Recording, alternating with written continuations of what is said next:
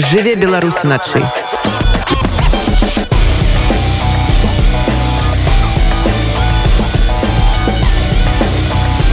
Белорусские ноцы. 300 тысяч менавіта столькі чалавек патрапіць пад частковую мабілізацыю якую раніцай 21 верасня абясціў владимир Путін. Пакуль Росіі будуць прызываць на службу тых, хто знаходзіцца ў запасе і раней служыў у войску. Пра тое, чаму Крэмль пайшоў на такі крок, ці гатовыя аматары рускага міра паміраць за Пуціна і ці варта на фоне мабілізацыі ў рассіі чакаць уцягвання ў вайну беларускага войска. Паразмаўляем з расійскай журналісткай Александрай Шапалінай і палітолагам, доктарам сацыялагічных навук Александрам Папко спадарства добрый вечар. Прывітанне роман. Прывітанне александр. Добрый вечар сябры. Ну і пачнем з таго наколькі нечаканым было рашэнне владимира путина распачаць частковую мобилизацию um... Оно было довольно ожидаемым, потому что все про это говорили последние несколько недель, когда Зюганов начинает говорить о необходимости мобилизации, когда разные какие-то депутаты Государственной Думы говорят о мобилизации.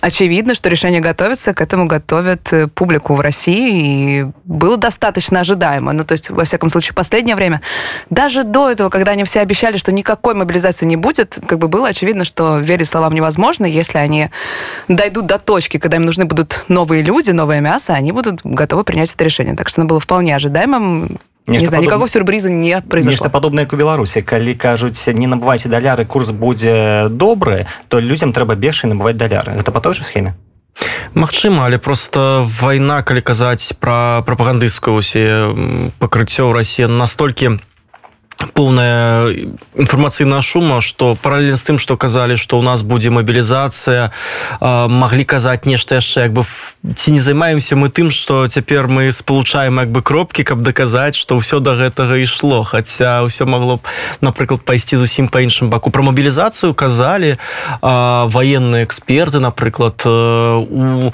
недзе ў траўні у чэрвені калі стало зразумела что расійская армія не не здольная не здольная прасунуцца далей э, ва ўкраіне і э, што яна мае вялікія недахопы у людзях э, у тэхніцы і як адзін з магчымых шляхоў. Самі украінскія военные эксперты казалі што як адзін з крокаў на якія могуць пайсці расійскі ўлад гэта аб'явіць напрыклад частковую мабілізацыю. Тады гэтае слово сапраўды вітала ў паветры тады яно падавалася рэалістычным і магчымым. А вось тое что казаў зюганаў тыдзень таму ну я напрыклад персанальна успрымаў як чарговую прапагандысцкую нейкую вайну прапагандысцкую акцыю ці ці хутчэй як бы такія лозунгі якія кідаюцца каб по прикрыть э, ну, отсутность поспехов, так? Мне кажется, нет. Мне кажется, всегда сначала, когда какая-то, какое-то непопулярное решение, мобилизация абсолютно точно непопулярное решение, когда его хотят принять, сначала как бы пробуют воду и запускают какого-то одиозного политического деятеля, который, в общем, никаких реальных вещей никогда в своей жизни не предлагал, занимался только Э, артикулированием каких-то самых безумных э, идей, фонтанировал какими-то совершенно дикими, абсурдными концепциями, его запускают внутрь, э, и он это, собственно, вслух проговаривает и смотрит дальше на реакцию. Никакой реакции внутри российского общества не было. Ну, то есть э, все подумали, а, ну окей, ну что-то сказал. Ну и все, в общем, как-то успокоились. Никто никакой паники действительно в России не наводил эту неделю. Никто к этому не готовился специально. Люди не скупали массово билеты, как мы видим по сегодняшнему дню, когда километровые очереди выстроились на границе с Грузией. Все скупили билеты в Армению, все скупили билеты в Казахстан. В Дубай можно было днем улететь за миллион рублей. Ну, то есть никто к этому реально не готовился. Э, может быть, именно поэтому это непопулярное решение было принято, потому что власти решили, а, ну окей, Зюганов сказал, все как-то спокойно это восприняли, значит, возможно, решение не такое уж и непопулярное. Может быть, российское общество к этому готово. Но да, проблема Зюганова в том, что, в общем, он такой не совсем настоящий политический деятель. Он никогда э, никакого реального политического действия не производил. Он служит такой как-то атрибутом, некоторым как это в кино называется, господи... Э, Весельный генерал. Да, да, да, да, да, да, да. Ну, то есть он как бы просто человек-функция некоторая. Он как бы должен создавать иллюзию оппозиции, хотя какая там как бы оппозиция. Но, в общем, да. Ну, але калі казаць пра частковую мабілізацыю маглі б абвясціць нармальную агульную мабілізацыю. Але ж не пашлі на такі крок. Расійскае грамадства ніяк не рэагавала на патэнцыйную мабілізацыю. Чаму было б не пайсці на больш радыкальныя хады Ну э, папярэдні раз э, агульную мабілізацыю аб'яўлялі ў 41 годзе і нават тады не аб'яўлялі напрыклад мабілізацыю на далёк у далёка-ўсходняй вайсковай акрузе. Перад гэтым мабілізацыю самую масавую аб'яўлялі ў 14 годзе калі пачалася першая сусветная. Тады... конец і трэці раз на шчасце так трэці раз на шчасце. Але вось калі мы возьмем лічбы то тады арміі якія станавіліся як бы устрой гэта былі 3-4 мільёны чалавек адразу а, такую колькасць трэба апрануць абуць накарміць. Трэба змяніць поўнасцю эканоміку паставіць і на ваенныя рэйкі. Тая вайна якая вядзецца ва ўкраіне пуцінскім рэжымам не ну нават цяжка сабе ўявіць каб у ёй было задзейнічана такая колькасць людзей такая колькасць тэхнікі. Все ж таки такой колькасці у такой колькасці тэхнікі такой колькасці зброі ў рассіі няма каб напрыклад мабілізаваць паставіць шэраг некалькі мільёнаў людзей ну гэта просто фізічна немагчыма калі казаць пра вось гэтых 300 тысяч хаця ні ў адным дакуменце няма дакладнай лічбы колькі людзей будзе мабілізавана ці гатовыя расійскія ўлады аснасціць гэтых 300 тысяч? Ці ёсць у іх магчымасці Ну вось гэта таксама вялікае пытанне. Насамрэч калі мы говорим про 300 тысяч чалавек складывается такое ўражанне что все гэты 300 тысяч зараз з'явятся ва ўкраіне дзе групоўка нападу вось групоўка 24 люта складала до 200 тысяч чалавек. Але вось я хацеў прыгадаць фразу павла лузіна ці бы ягоныя назіранні гэта расійскі вайсковы эксперт які зазначаў что зусім недавно Россия павялічыла э, свой спискавый склад э, войска на 130 тысяч человек 130 140 тысяч человек. І яно э, вось як бы склад паводле спісаў э, павінен крышачку перавышаць э, мільён чалавек дык вось ён казаў что яшчэ до гэтага у павелічэнне арміі на паперы недахоп так дэфіцыт э, дэфіцыт рэальнай жывой сілы каб закрыць все гэтыя пазіцыі ў спісах складаў прыкладна 20 процентов 200 250 тысяч чалавек вось зараз яны ну, павялічылі на 100 тысяч раптам оказывается что вось акурат мы атрымліваем гэту лічбу 300 тысяч. Дык вось хутчэй за ўсё гэта лічба якая просто патрэбна каб закрыць функцыянальныя патрэбы расійскага войска якое рассыпаецца за страту якое она атрымала ва ўкраіне. Але все мы бачылі гэтае відэа калі расійскія вайскоўцы прызнаюцца што вось іх адпраўляюць на вайну правянта няма крадуць апранаць няма чаго. Казкай можна пальцам прабіць. І яшчэ 300 тысяч таких жа вайскоўцаў фактычна не боездольных іх куды адпраўляюць навошта? Ну вось гэта цікавая рэч. Сапраўды армія на паперы выглядае магутнай але насамрэч з таго што мы бачылі лагістычныя праблемы ў расійскай арміі просто велізарныя праблемы з з абмундзіраваннем з забеспячэннем вось шырока з шырокім паняцці это слова лагістыка яна заўсёды храмала ў расійскай арміі. І напрыклад параза рассі групоўкі якая атакавала Кіев з тэрыторыі беларусі дарэчы тэрыторый прымежных з украінай з сумаў чарнігава.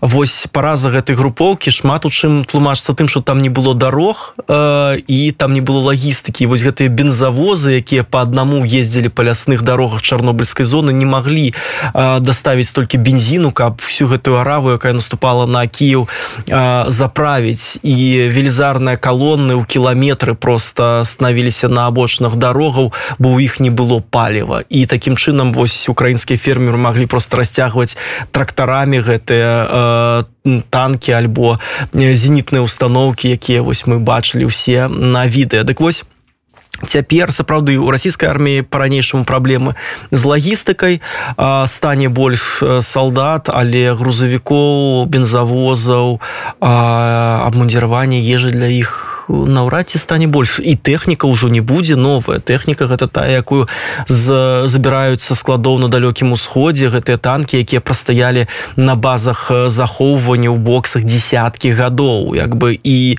гэта толькі на паперы можна завесці гэты танк там пасля некалькіх гадоў прастою. Насамрэч там напрыклад чыста фізічна скапліваецца кандэнсат усё ўнутры гніе плюс выцякае масла плюс выцякаюць салярка это утварае такую вельмі цікавую каразійную субстанцыю унутры унутры бронемашыны ляцяць усе гумовыя прокладки уся праводка акумулятары ну вось удача як кажуць. Мне падаецца что у александра такое бачанне расійскае войска як у беларуса ну то бок ну там павінна все стаять і пылам э, пакрывацца а ў рассеі ж мне здаецца там уже павінны былі ўсё расцягнуць на часткі нічого там не пакрылася ніякай іржой ці не распродали, пропили, э, отдали. Слушай, я не бог весь какой э, военный эксперт. А говорю не про военный эксперт, Поэтому... а про ментальность худшей. Я, я скорее хотела сказать, э, мне кажется, здесь... Э, может быть, немножко другая оптика о том, как вообще принималось это решение про мобилизацию 300 тысяч. Вот ты представляешь, э, Харьков украинцы отбили, всю Харьковскую область, вытеснили оттуда российскую армию, что в этот момент происходит? Разумеется, Путину про это докладывают. Ну, то есть должен же он получать какие-то оперативные данные с фронта. Он эту информацию получает. Э, резонный вопрос у него возникает к министру обороны Сергею Шойгу. Он его зовет к себе и говорит, слушай, что-то как-то странно все выходит. Мы вроде как продвигались, все хорошо, Киев должны были взять за три дня, а тут нас как бы из Харькова выдавили. На что э, Сергей Кожугетович ему говорит, э, чтобы, разумеется, не, не попасть под э, э, гневный, гневный, гневный огонь российского президента, он говорит, слушайте, да, Владимир Владимирович, сложности есть, проблема только в том, что людей нам не хватает. Там у них столько наемников, столько всех этих американских, британских военных. Мы просто не справляемся. Реально численностью берут. И как бы и Владимир Путин, а он может не знать о проблемах с логистикой, он может не знать о проблемах с оснащением, что оружие не работает. Кадебист он же Путин не... может чего-то не ведать. Разумеется. Человек не пользуется интернетом. Он спокойно про это говорит, что он не умеет пользоваться ни компьютером, ни телефоном. Камон, он не читает те же самые телеграм-каналы, которые читаем мы. Это мы видим ржавые танки, а ему приносят информацию на бумажках. Что в этих бумажках, мы с вами знать не можем. Но есть предположение, я сейчас, конечно, спекулирую, а, потому что никаких... Я в московских гостинах, в отличие от Маргариты Симоньян, не тусуюсь. А, и никакой инсайдерской информации у меня нет, но то, как я вижу, как принимаются в России решения, собственно, про эту ментальность и так далее, так далее, отрицательный отбор людей во власти, я понимаю, что все может быть примерно так, что Кужугетович сказал, что людей не хватает. Владимир Путин, хорошо, значит, будем решать проблему с людьми. Значит, надо еще 300 тысяч человек. И он объявляет мобилизацию. Объявляет, возможно, внезапно для самого себя. Я тоже не уверена, что это решение готовилось давно. Возможно, достаточно спонтанное решение, ответное на э, успешное контрнаступление вооруженных сил Украины. Как-то так. Ну, яшчэ я дадам вось крышачку мікрасацыялогіі, напэўна, уявіць сабе людзей якія сядзяць пры ўладзе 20 гадоў якія сабралі такія багацці якія просто ну не сніліся арабскім шэйхам якія могуць адным шчаўчком пальца атрымаць все што яны хочуць. У іх складваецца ўражанне сапраўды вельмі скажоная карціна света і складваецца ўражанне што яны могуць заклінаць рэчаіснасць што яны лепш за ўсё ведаюць што яны сапраўды вось на, знаходзяцца на ўзроўні багоў. Я тут абсалютна не жартую наступае абсалютная дэградацыя інтэграцыя логікі светаўспрымання гэта не гэта нерацыянальнае ў нашым разуменні. Людзі яны не ўлічваюць сапраўды рэальнасці. І таму вось магчыма Путін як бы іншыя дыктатары насамрэч пад канец свайго кіравання пачынаюць все больш больш аддаляцца ад рэальнасці. Яны жывуць ва ўласным свеце і прымаюць рашэнне сыходзячы з правілаў так з іншай гравітацыі якая існуе ў іхнай уласнай чарапной коробцы. Таму э, ну магчыма магчыма гэтае рашэнне прымалася таксама з нейкіх меркаванняў яўнага свету які існуе толькі ў галаве владимира путина ягонага атачэння. Чаму владимир путина ягонаму атачэнні не назваць вайну урэшце вайной а все яшчэ укрывацца под нейкай незразумелай спецаперацыі Ох тут можа быць як ідэалагічны складнік так і складнік чыста юрыдычны калі ёсць вайна трэба аб'яўляць ваеннае становішча аб'яўляць ваеннае становішча это значыць а, трэба перадаваць уладу военнаму кіраўніцтву трэба пераводзіць прамысловасць на ваенныя рэйкі трэба праводзіць рэквізіцыі трэба абмяжоўваць рух людзей дарэчы вось нават цяпер прычастковы нават мобілізацыі рух людзей то абмяжоўваецца але гэта азначае что ну жыццё жыццё краіны сапраўды будзе зусім іншым. Яно будзе паралізавана і ну ось напрыклад ва ўкраіне аб'яўлена военное становішча прычым прычым яно яшчэ даволі мягкае скажем так тыя патрабаванні якія знаходзяцца цяпер у расійскім заканадаўстве яны нават больш жорсткія. Ну і хутчэй за ўсё на такія крокі якія як бы вайну з тэлебачання так перавядуць у рэальнае жыццё людзей. Вось такія крокі владимир Путін рабіць не хоча. Ну да владимир Путин во-первых он Он как глава мафии. Он такой решала. Вокруг него есть э, много разных людей, разных групп интересов, и он как бы между ними балансирует. Он должен это все держать под своим контролем. Э, его власть зиждется на том, что он эм, сохраняет некоторый статус-кво. Он сохраняет для этих людей некоторую стабильность, возможность для них зарабатывать, приумножать свои богатства. Если он объявляет войну, причем объявляет войну Украине, маленькой, маленькой Украине. Э, самая великая краина в Европе. Самая большая, самая большая страна в Европе, но э, мы же слышали 8 лет этот дискурс, что типа, крохотная Украина, да сколько мы там? Два часа и мы Киев возьмем. Вот это вот все. Ну, то есть, если он объявляет войну Украине, которую он не в состоянии выиграть, и он сейчас это уже, наверное, понимает, ну, или хотя бы догадывается об этом примерно, а главное, об этом понимает его окружение, то это окружение но он становится для них врагом, потому что э, он перестает исполнять функцию ему доверенную, он перестает сохранять статус-кво, э, страна втягивается в настоящую войну, действительно объявляется военное положение, и все с этим и все из этого вытекающее. И как бы эти люди э, начинают задавать себе резонный вопрос, а зачем же тогда Владимир Путин находится на том месте, где он находится?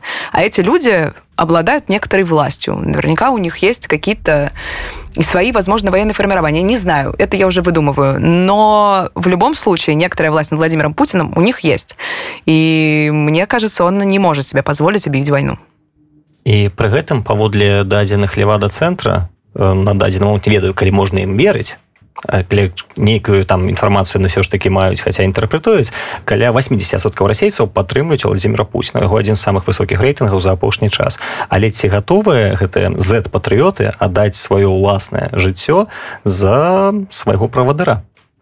Нет разумеется не готовы. А чаму? Это ж лідар за ім трэба ісці в агонь ваду і, і куды далей ну, гэты феномен но то что называется аб'яднанне вакол сцяга ралли around the flag но насамрэч ну не такое абсалютнае. В сэнсе что калі наступае небяспека мы мы аб'ядноўваемся так бы мы людзі аб'ядноўваюцца вакол э, лідара давяраюць сваю краіну яму але гэта зноў-таки не азначае что что яны готовыя за яго памерці. Э, восьось напрыклад Украіна так? Шмат людзей ну не любіць прэзідэнта зеленска по розных абсалютна прычынах. Але калі наступае вайна то людзі аб'ядноўваюцца вакол яго як хутчэй сімвала краіны так? Як э, вот сапраўды як герб сцяг гімн роднай краіны так і прэзідэнт становіцца адным з яе сімвалом тут хутчэй як бы у выпадку небяспекі мы ўсе гуртуемся і вось калі тлумачыць псіхалогію такога чалавека які давярае пуціну мы просто ў сітуацыі няпэўнасці перадаем сваю уладу ці там кантроль над сабой владимиру путину хай ён вырашае бо навокал ворагі навокал неяснасць вось хай вырашае гэты гэты лідар. Але тут вось гэтае аб'яднанне вакол сцяга нашмат менш пэўнае чым я не ведаю аб'яднанне вакол джорджа буша пасля малодшага пасля 11 верасня ці аб'яднанне вакол владимира зяленска пасля поўнамасштабнай агрэсіі россии не тут вось я уже кажу что это хутчэй такая абывательская ой навокал паўно страху няхай там у Маскве вырашаюць. Але паміраць за владимира Путина не гэта наўрад ці яны хочуць. Гэта не так званы крымскі кансенсус калі ўсе аб'ядналіся вось у такім экстазе за тое что мы ну, вот прыядналі кавалак кавалак тэрыторый не. Ну, потому что там и не стреляли там было бяспечна даволі. А mm. тут ситуация радыкальна змянілася. І вось гэтыя запыты ў Google як э, адкасіць ад войска якія зараз у Росіі ледзьве не самыя галоўныя. І як выехаць з Росіі э, гэта хто піша? Ура патрыота ці все хто заўгод абы выехаць ці чакаць нейкую хвалю от міграцыі? Вот зараз Росія стане на там пару мільёнаў чалавек менш за бліжэйшыя дні Не знаю, насколько это будет технически возможно, но абсолютно точно ждать. Какую-то волну миграции точно ждать, потому что люди уже стоят на границах э, там, с соседними государствами. А у кого есть загранпаспорт, у кого нет загранпаспорта. Люди выезжают там, в страны, в которые пускают по внутреннему российскому паспорту, например, Армению. Люди стоят в очереди в Грузию. Люди готовы ехать куда угодно, за любые деньги, платить сколько угодно. Я еще не представляю, какая волна коррупции сейчас прокатится по России, сколько заработают все эти военные комиссариаты, это, конечно, просто воспаляет мою фантазию. Но это, это просто безумные деньги. Это миллиарды, миллиарды, миллиарды рублей, которые получат все эти люди. И они сейчас, мне кажется, счастливы больше всех остальных. Они просто в предвкушении этих безумных денег, которые свалятся на них буквально с неба. Ну, вось то, что показала эта война, что узровень коррупции в российской армии, узровень невыканания формальных правил, узровень несубординации, невыканания загадов надзвычай высокий. На самом насамрэч мы як бы нават не уявіць сабе не маглі что э, расійская армія нават пасля рэформы ў сердюкова засталася по вялікім рахунку на ўзроўні першай другой чачэнскіх войнаў э, калі э, вось гэтыя ўсе велізарныя ресурсы прыходзяць у армію затым кудысьці расцякаюцца і гэтыя салдаты якія по ну, без невысокага насамрэч там інтэлектуальнага ўзроўня без належнага забеспячэння просто пачынаюць займацца марадзёрствам ці упівацца там я не ведаю гвалтам ці просто ратаваць сваё жыццё так? Вось як бы мы разумеем всю слабасць этих фармальных структураў. Дык вось гэта тое што адбываецца у дзейснай арміі так? Але тое самае ўласціва і для апарату мабілізацыйнага і для паліцыі і хутчэй за ўсё для медыцынскай структуры. Такім чынам калі аб'яўляецца мабілізацыю сабе 300 тысяч чалавек это прыкладна столькі калі не памыляюся колькі э, прызываюць падчас аднаго аднаго прызыва ў расійскую армію. Э, прызывы калі не памыляюся так сапраўды вясенні асені дзесьці по 300 тысяч чалавек. Э, так что гэта даволі значная колькасць асобаў. По-другое прызываць людзей павінны паводле э, вайскова-уліковых спецыяльнасцяў людзей якія як бы калісьці адслужылі. Ну явіце сабе что вы там э, дырэктар фірмы праграміст нейкі аўтамеханік чалавек якого устабілізавалася жыццё якому каля 35-40 гадоў які по ну абсалютна не хоча ехаць на ўкраіну і там паміраць. Вось что ён зробіць для таго калі ему прыйдзе повестка ці мабілізацыйна это прадпісанне что ён з ім зробіць? Ну зразумела что ён заплоціць пэўную суму грошай военкому а вы ці пастараецца нейкім чынам адкасіць заплоціць лекару ці пастараецца некуды з'ехаць. А у военкома у яго ж ёсць ну, прыкладны спіс вынес колькасць людзей якія падлягаюць мабілізацыі так мабілізацыйны ресурс на ягоным верным участку. І хочаш не хочаш там гэтую норму там у 100 150 чалавек на на на кожны военкамат яму трэба выканаць. Вось з каго яны будуць набіраць? З таго акурат хто не можа адкасіць не захацеў альбо настолькі як бы маральна а, ну мы конечно допускаем что тры катэгорыі людзей могуць быць мабілізаваны сапраўдныя патрыоты якія не захочуць касіць. Патрыоты z патрыоты так.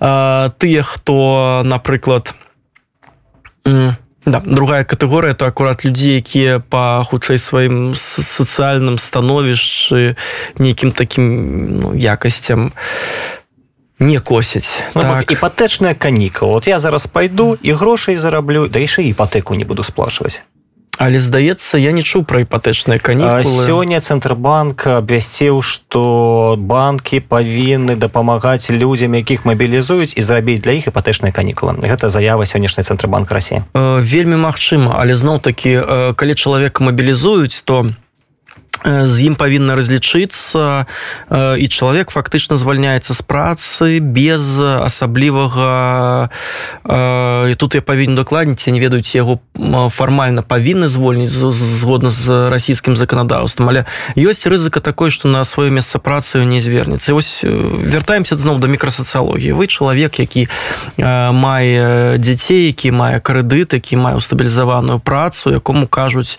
ну але вы які там адслужыў 10-15 гадоў таму якому кажуць што все вас забіраюць у боты сажаюць танка вы апынецеся ва ўкраіне каб папоўніць тыя страты якія панесла расійская армія вы як я уже казаў плоціце военкому калі военком э, бярэ ў армію тых альбо сапраўды ідэйна матываных але таких мало альбо тых як я ўжо казаў з нізкім сацыяльным капіталам якія ну для якіх сваё жыццё ну заб'юць не заб'юць як бы ўсё роўна. І вельмі вялікая колькасць вось таких дэкласаваных элементаў алкаголікаў трапляюцца менавіта падчас вось таких дзяржаўных савецкіх э, мабілізацый. У сістэме якая працуе ўжо далёка не так наладжана як сістэма ссср дзе кожны быў прывязаны да свайго прадпрыемства адкруціцца было немагчыма. Вось. Таму э, так 300 тысяч могуць набраць але нават калі яны набяруць гэтыя 300 тысяч это будуць далёка не тыя э, па якасці людзі і далёка не тых улівае военно-уліковых спецыяльнасцей. Увогуле таксама гэта цікавая такая рыса савецкай мабілізацыйнай сістэмы э, якая спраўджваецца падчас усіх вялікіх вучэнняў што вы былі сапёрам станеце танкістам вы былі там я не ведаю гранатамётчыкам станьце загадчыкам рэчавага склада. Як бы насамрэч нібыта праводзіцца мабілізацыя паводле военно-уліковых спецыяльнасцей але насамрэч э, заграбаюць усіх і э, становяць абсолютно на іншыя пазіцыі на якіх у войску чалавек не служыў. Саша дарэч вот на гэтым фоне э, рашэнне краін балты Польша не впускаць расейцаў з турыстычнымі візамі. Калі людзям трэба выязджаць калі людзі не хочуць ваяваць калі не хочуць потрапіць под мабілізацыю Гэта правільна ці не вось з аднаго боку яны нібыта абараняюць сваю тэрыторыю ад людзей якія могуць там нанесці нейкую небяспеку а з іншага боку яны не даюць магчымасці людзям выехаць калі яны не хочуць ваяваць На днях ВЦИОМ опубликовал данные о том, что загранпаспорта есть только у 29% российских граждан. Это значит, что 71% не может выехать никуда, кроме, в общем, Армении. В Казахстан, я не уверена, по-моему, по внутреннему паспорту выехать нельзя. Но Ар... в Беларусь можно. В Беларуси Армения, все. Шенгенские визы какого-либо типа есть меньше, чем у миллиона человек. Это меньше 1% населения России.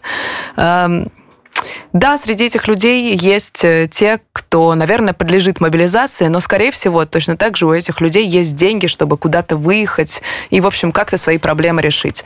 Мобилизации все равно будут подвергнуты не те люди, которым сейчас закрыт въезд в страны Евросоюза.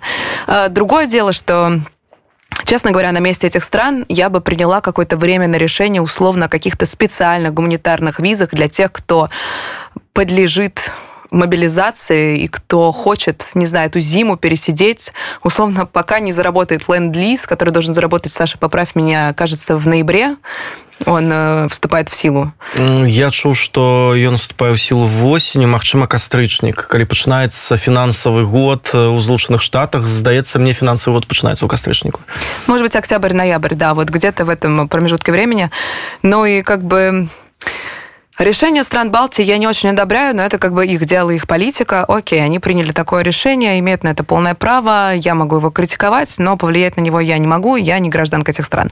Я могу только какие-то свои доводы приводить, но, в общем, их можно слушать, можно не слушать.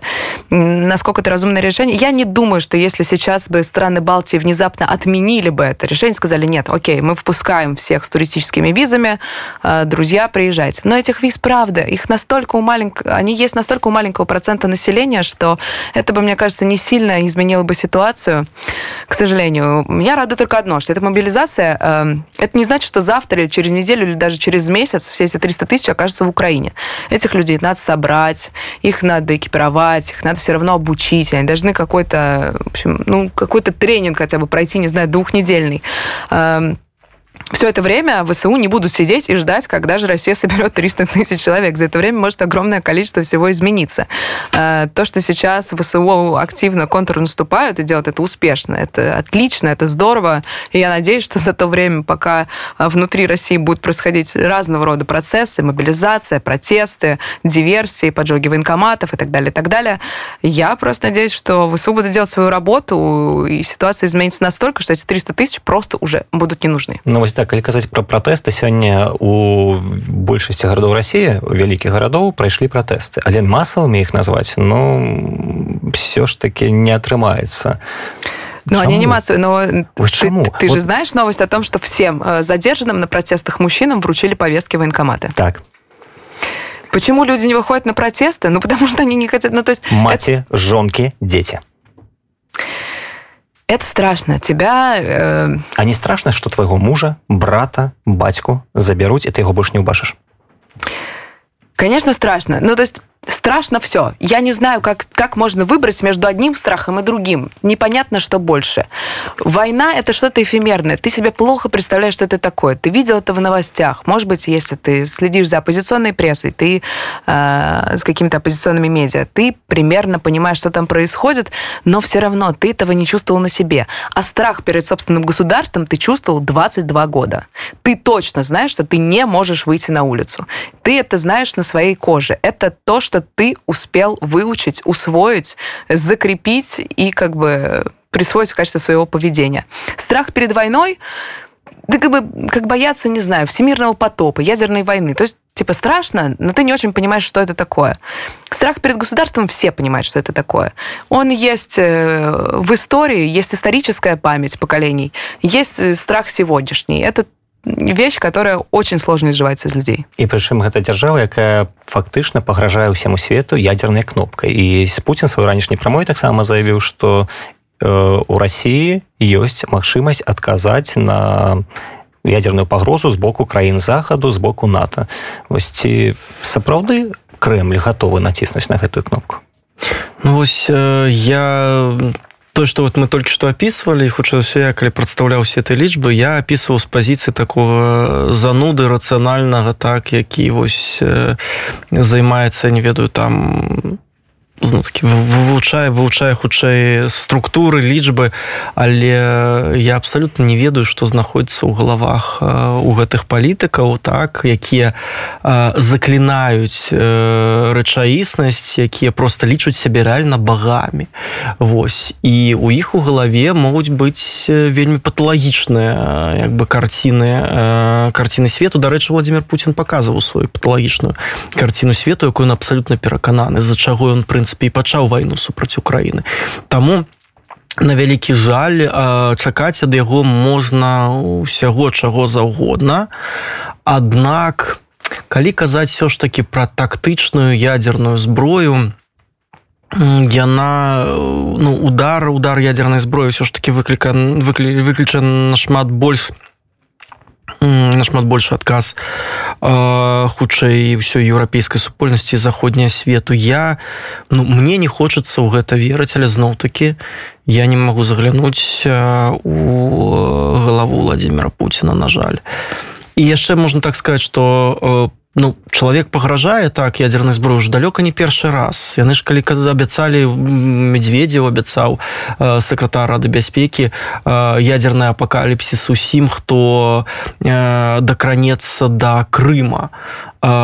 Крым нармальна сабе украінскія вайскоўцы бомбяць і дронамі устраиваюць там дыверсіі і нічога асаблівага не адбываецца Таму можа быць гэта сапраўды блеф бо гэта гучыць ужо не ўпершыню А можа быць калі справы насамрэч пойдуць дрэнна Путін можа застасаваць ядерную зброю але зноў таки тады здымаюцца ўжо шматлікія табу не толькі з з краінаў захаду якія вось дапамагаюць у краіне але нават здымаюцца шматлікія табу для таких краінаў як Індыя Пакістан маюць так якія даўно якіх даўно чашуцца руки прымяніць супраць адзін супраць аднаго.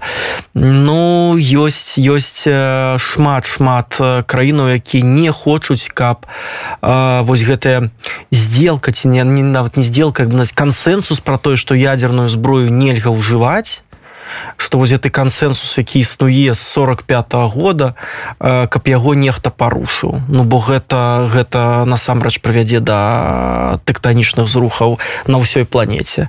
Ты ты як тыя краіны якія даўно хацелі прымяніць на практыцы супраць свайго ворага ядерную зброю атрымаюць такой магчымасць. Годная сложно сказать я думаю что владимир путин не применит ядерное оружие. Бо Я думаю, что ему страшно. Э, я думаю, что просто... Ну, то есть... Я думаю, что это некоторый последний инструмент. Я не думаю, что он прибегнет к ядерному оружию, чтобы выиграть войну или что-то такое. Я думаю, что он прекрасно понимает, что применение ядерного оружия это будет последнее, что он сделает.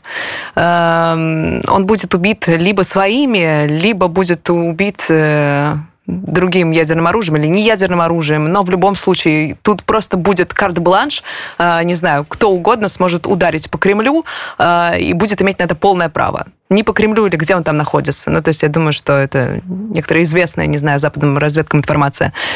Я думаю, что он его не применит, потому что он понимает, что это не способ выиграть войну.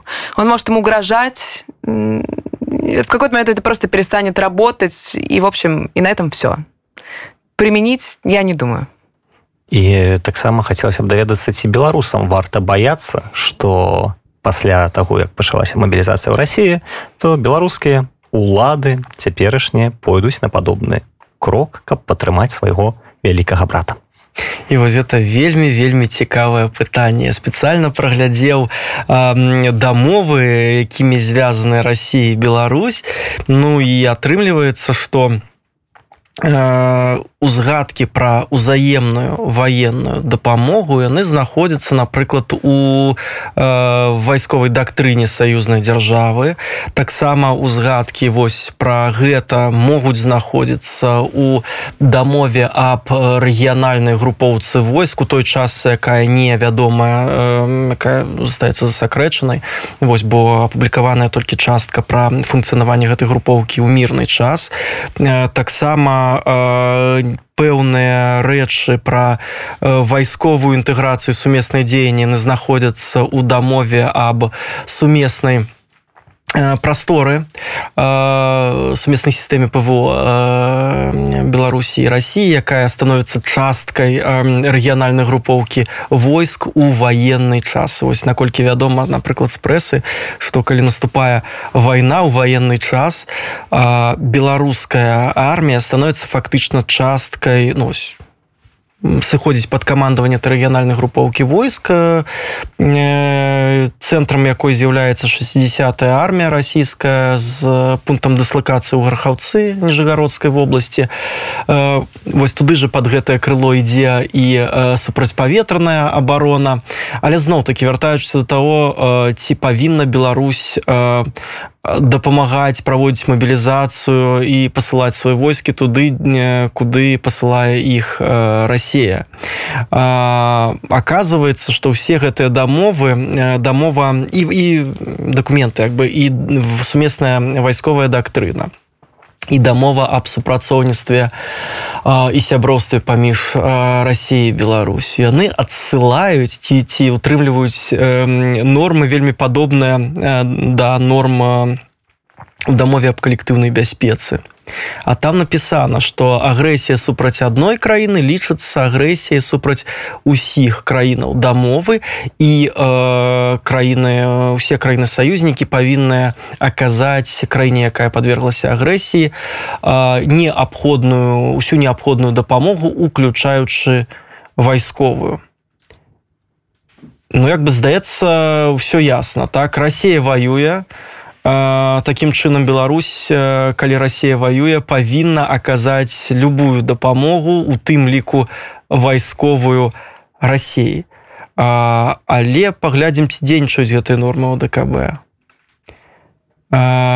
некалькі дзён таму вось 14 13 верасня Арменія попрасіла военной дапамогі калі войскі азербайджану ўвайшлі на яе тэрыторыю згодна з артыкулам 4 дамовы аб калектыўнай бяспецы все краіны альянса ОДКБ павінныя былі аказаць армении ну любую дапамогу у тым ліку і у вайсковых. Это значит беларускія да. Беларускія солдаты ўжо павінны акопвацца ў гарах на мяжы с азербайджанам так гэта вось абсалютна э, яскравы выпадак э, які значыць что гэтая норма на якую спасылаюцца шматлікія дамовы паміж беларусію Росіі яна не працуе. Ну, не працуе факт. Затым владимир Путін пачаў атаку на украіну з тэрыторыі беларусі і ну на незразумелай вось нейкай юрыдычнай базе для дамоваў паміж менскам і москвой так? Ці гэта была ці лічыць гэтую сітуацыю вайной? Военно становішча владимир Путін не аб'яўляю хутчэй за ўсё нават не папярэджваў свайго найбліжэйшага саюзніка про тое що ён нападзе на ўкраіну як ён не папярэджваў про тое что он збіраецца канцэнтраваць расійскія войскі ў беларусі. Калі мы загадае калі мы узгадаем гэтую сітуацыю так это вось э, сумнапамятныя вучэнні саюзная рашучасць так якія былі зборам войскаў для нападу на украіну. Э, рух гэтых войскаў пачаўся 14 студзеня 2022 года. А лукашенко заявіў про тое что вучэнні пачнуцца 19 это праз некалькі дзён як этой войскі ўжо ехалі. Вось это значыць что хутчэй за ўсё яго просто поставілі перад фактам. Таксама паводзіны лукашэнкі 24 люта хутчэй за ўсё сведчыць про тое что напад на украіну стаў нечаканасцю нават ведал. для яго. Так?